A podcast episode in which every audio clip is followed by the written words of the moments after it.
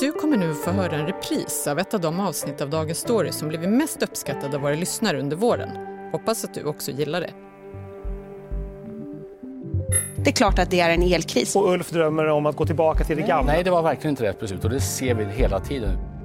Den svenska energidebatten rasar och utspelen avlöser Då varann. blir ju kärnkraft en viktig komponent. Nyamko Sabuni vill återstarta Ringhals 1.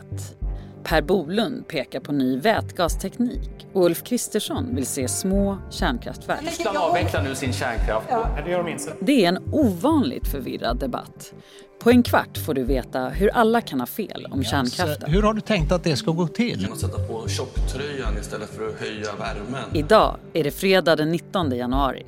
Jag heter Annie Reuterskiöld. Här är dagens story från Svenska Dagbladet.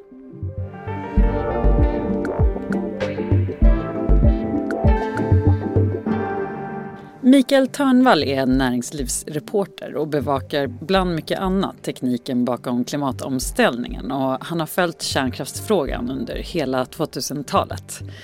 Micke, hur är det nu? Har du slutat dammsuga för att hjälpa Sverige spara el? Nej.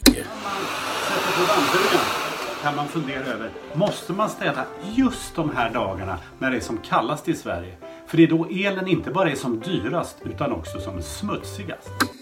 Eh, jag tycker just dammsugaren är liksom ett sällsynt uselt exempel på hur man ska liksom rädda elsystemet. För det är en ganska eleffektiv maskin som använder en halvtimme i veckan kanske eller en timme i veckan. Och så det, det rör sig om långt under en procent av Sveriges elanvändning om vi dammsuger eller inte. Så det spelar ingen roll. Det där eh, SVT-inslaget från eh, nyheterna, det drog ju verkligen igång debatten kan man säga. Och den är rätt så het och polariserad. Oh ja. Hur ser den ut? Eh, jag menar, så lite förenklat kan man säga att eh, du har två sidor som väljer sina favoritargument ur någonting som egentligen är oerhört komplicerat. Och då blir det någonstans så här att ja, ingen har ju helt fel därför man lyfter fram sin lilla del av verkligheten. Men eftersom ingen vill se helheten så är det ingen som har rätt heller. Därför vär, världen är mycket, mycket mer komplicerad än vad alla de här aktörerna vill påskina. Just det, och det är många som har gett sig in i debatten, till exempel eh, Mikael Odenberg som sa i en artikel hos oss i förra veckan att eh, allt är djupt osakligt. Ja, det är lite intressant att se vad som händer när en politiker då, som när han sen blev generaldirektör för Svenska kraftnät tvingas förhålla sig till hur komplicerad verkligheten är. Det är då de inser att eh, det här var nog lite mer komplicerat än vad vi trodde kanske. Och han är ju tidigare moderat minister eh, och det är ändå nu Moderaterna som kanske skriker allra högst. Ja, eh, för de har ju hittat en fråga som uppenbarligen funkar politiskt tycker de. Även om det är en i grund och botten tekniskt tråkig teknokratisk fråga så väcker den ju känslor. inte dammsuga vid vissa tider på dygnet.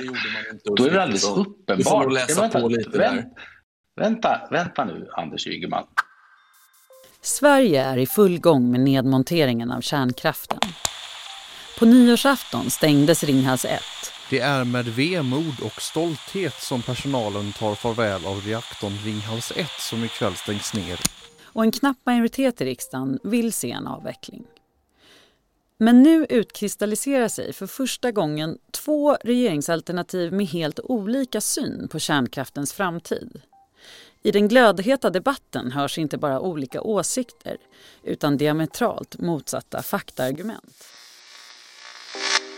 Politikerna har ju stått i kö nu för att komma med olika utspel i den här frågan. Nyamko Sabuni var senast ut eh, här i veckan med att Ringhals 1 borde återupptas inom ett eller två år. Hur troligt är det skulle du säga? Inte alls troligt. Men jag ringde både till då Vattenfall som äger den här reaktorn och till Strålskyddsmyndigheten som i så fall ska vara den som ger tillstånd för att starta om den.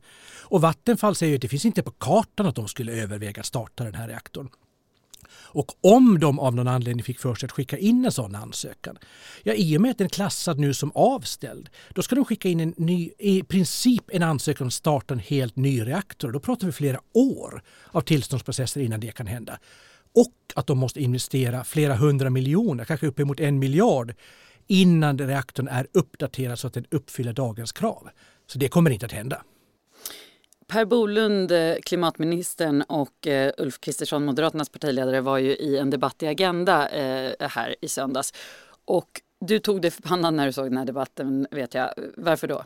Ja, ja men vi är ju tillbaka i det här att alla argumenterar med sina favoritargument. Det är ju ingen som blir speciellt mycket klokare av den här debatten. Är du emot kärnkraft, då lyssnar du på Per Bolund som säger att vi har jättemycket el och det är inga problem. Gillar du kärnkraft, då lyssnar du på Ulf Kristersson som säger att jo, men de håller på att utveckla nya fina reaktorer i Baltikum och det ska bli räddningen på allting.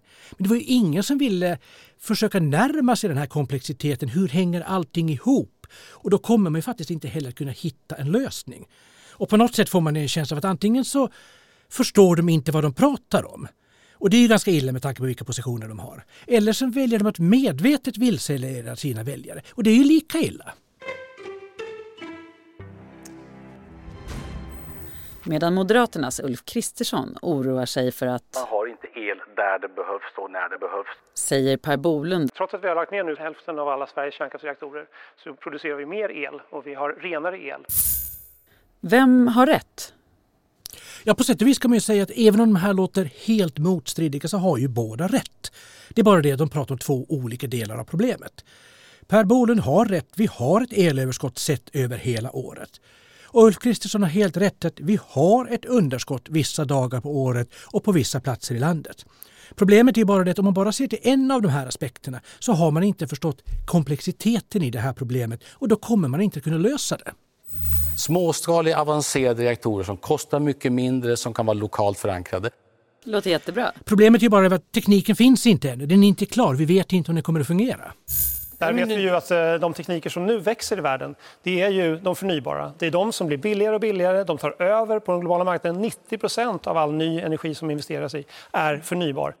Vi pratar i båda fall om teknik som ännu inte finns och som båda har som förutsättning för sina respektive argument.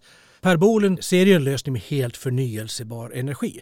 Men enligt alla experter kräver det någon form av storskalig energilagring. Och då pratar vi om något som är helt annat än ett litet Tesla-batteri i en bil. Den tekniken finns ännu inte. Är det inte så att Per Bolund just här har lite mer rätt? Att det som faktiskt är igång är satsningarna och investeringarna i förnybart? Ja, så långt är det ju sant att liksom trenden rent marknadsmässigt, ekonomiskt och allting just nu är mot mera förnybart. Eh, och det kommer det nog att vara även om vissa krafter hoppas på mera kärnkraft. Det är den riktning vi går i just nu. Sen vet man inte vad som händer om det kommer ett jättegenombrott på de här modulära reaktorerna om tio år. Då kanske det blir annorlunda. Men just nu tror ju experterna ändå, de ser framför sig ett elsystem som är mindre beroende av kärnkraft mera beroende av vind. Mycket av det kommer från havsbaserad vindkraft. Och sen ska det komma lite pusselbit på plats med storskalig energilagring. Nu tackar vi för ikväll. Men vad är det då man egentligen borde diskutera? Jo, men om, om man tittar på elsystemet så är det egentligen en fruktansvärt komplicerad maskin som hela tiden måste vara i balans för att inte falla samman. Eh, och då kommer vi till sådana ganska tråkiga tekniska komponenter, typ överföringskapacitet. Eh, hur påverkas överföringskapaciteten upp och ner av var i landet energiproduktionen äger rum? Eh, och eh, det, vi pratar inte bara om lagring, vilket naturligtvis ganska intuitivt förstår man att om det blåser mycket på sommaren och det är kallt på vintern så måste vi spara energin på något sätt, eller för några månader. Utan också att olika typer av kraftverk har olika typer av inneboende stabilitet kan man säga. Och har vi då för mycket vind som kan ses lite lättviktig inom citattecken och för lite kärnkraft och vattenkraft som är mycket trögrörligare, då blir systemet lite mindre stabilt. Därför att vi saknar de här stora, tunga generatorerna i vindkraftverken och i vattenkraftverken som ger en extra stabilitet som ser till att elsystemet inte faller samman. Och alla de där små detaljerna måste ju med i diskussionen för att vi ska diskutera ett elsystem som håller. Det handlar inte om kärnkraft eller inte. Det handlar inte om kärnkraft eller inte. Det handlar inte om hur många terawattimmar vi producerar under ett år. Det handlar inte bara om eh, om vi exporterar grön energi eller importerar eh, kolkraft. Det handlar om helheten. Och det är först när man förstått den helheten eller att man har förstått att den helheten är komplicerad som man kan börja hitta en lösning. Sluta gnäll på Barsebäck,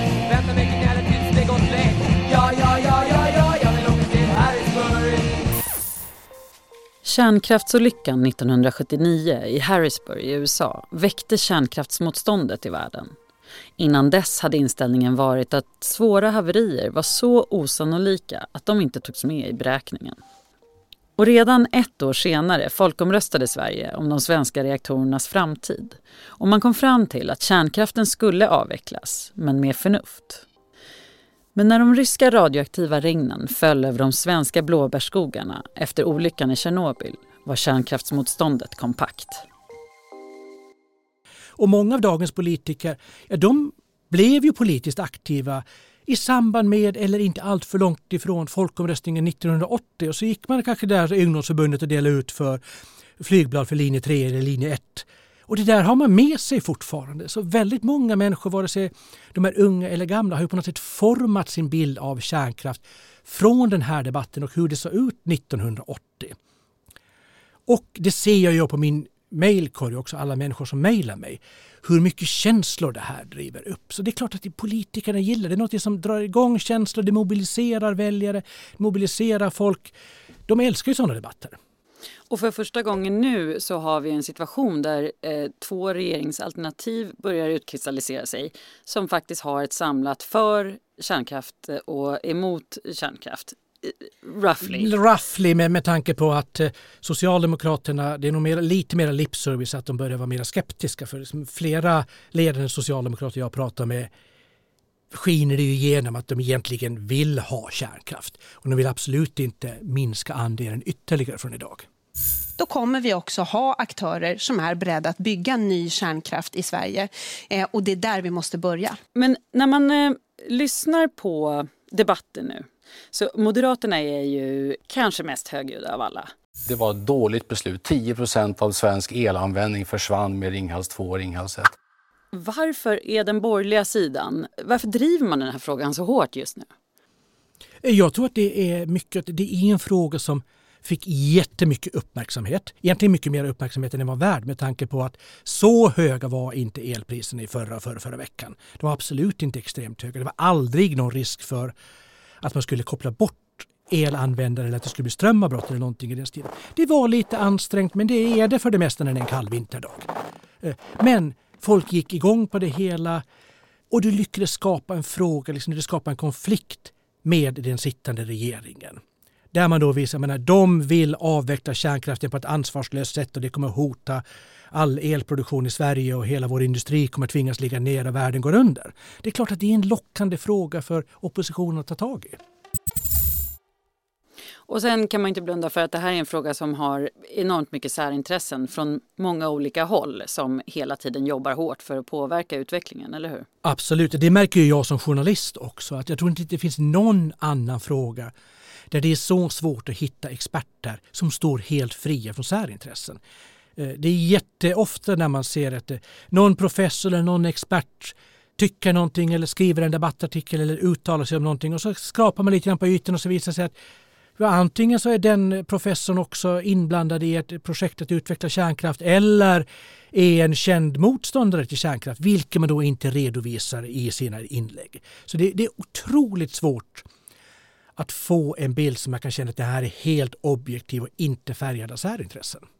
Och det går ju också eh, ut över hur till exempel den eh, politiska mobiliseringen har sett ut nu. Alltså vi, vi var inne på det, vi har aldrig sett en så samlad höger förut bakom eh, för kärnkraft. Och där har det ju funnits eh, lobbybyråer, PR-byråer som har haft i uppdrag att eh, till exempel bryta upp energiöverenskommelsen eller föra in mer kärnkraft. Det är, det är så det ja, funkar. Jag är ju rätt övertygad om att det är så både då på, på regeringssidan, Naturskyddsföreningen och andra organisationer och Eh, på oppositionssidan stöttat av Svenskt Näringsliv och andra organisationer. De går ju för högvarv just nu för att liksom hålla den här debatten vid liv och få ut sina argument via diverse politiker. Då. Och alla borde vara rätt nöjda, eller hur? Oh ja, rent politiskt är det här julafton för allihopa. För man skapar en tydlig konfliktlinje, eh, det finns jättemycket känslor och det mobiliserar båda sidor. Det är precis vad alla politiker vill ha. Efter besöket sa Adelsohn att han skulle kunna vara beredd att bada i kylvattnet som omger kärnreaktorn. Frågan är då varför han skulle våga göra det. Därför att det är ofarligt. Avslutningsvis då, vad tror du om kärnkraftens framtid i Sverige? Ja, på ett sätt är det ju svårare än någonsin att bedöma. För när, återigen när man pratar med experterna säger ju de att så här osäkert har läget sällan varit. Både då hur mycket el kommer vi använda, hur mycket el kommer de nya elbilarna och alla sådana saker dra. Eh, vilken ny teknik kommer att finnas för att skapa energilagring? Kommer det skapas nya kärnkraftstyper och så vidare? Osäkerheten är jättestor. Men jag tänker nog lite grann som det var med efter kärnkraftsomröstningen 1980. Då kommer man överens att vi ska avveckla det sakta och säkert till 2010. Med förnuft? Ja. Och jag menar, vi kör fortfarande hälften av reaktorerna tio år senare och vi kommer kunna göra dem kanske 30 år till. Eh, och det är nog mycket möjligt att nu har vi satt upp någon slags ambition att den ska vara avvecklad 2040. Men jag kan mycket väl tänka mig att när vi kommer till det datumet då kör fortfarande de flesta av de här reaktorerna utan några planer på att stängas av. Tack eh, Mikael Törnvall för att du kom hit. Tack.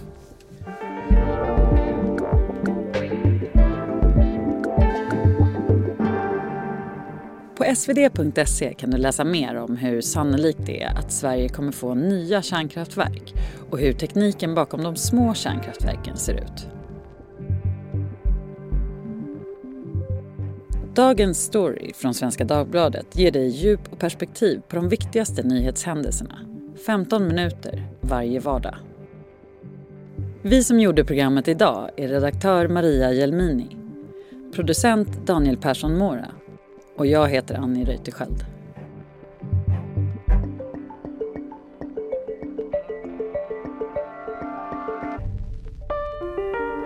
Du har lyssnat på en repris av Dagens Story. Under juli publicerar vi lite färre avsnitt än vanligt. Men den 4 augusti är vi tillbaka som vanligt igen. 15 minuter varje vardag.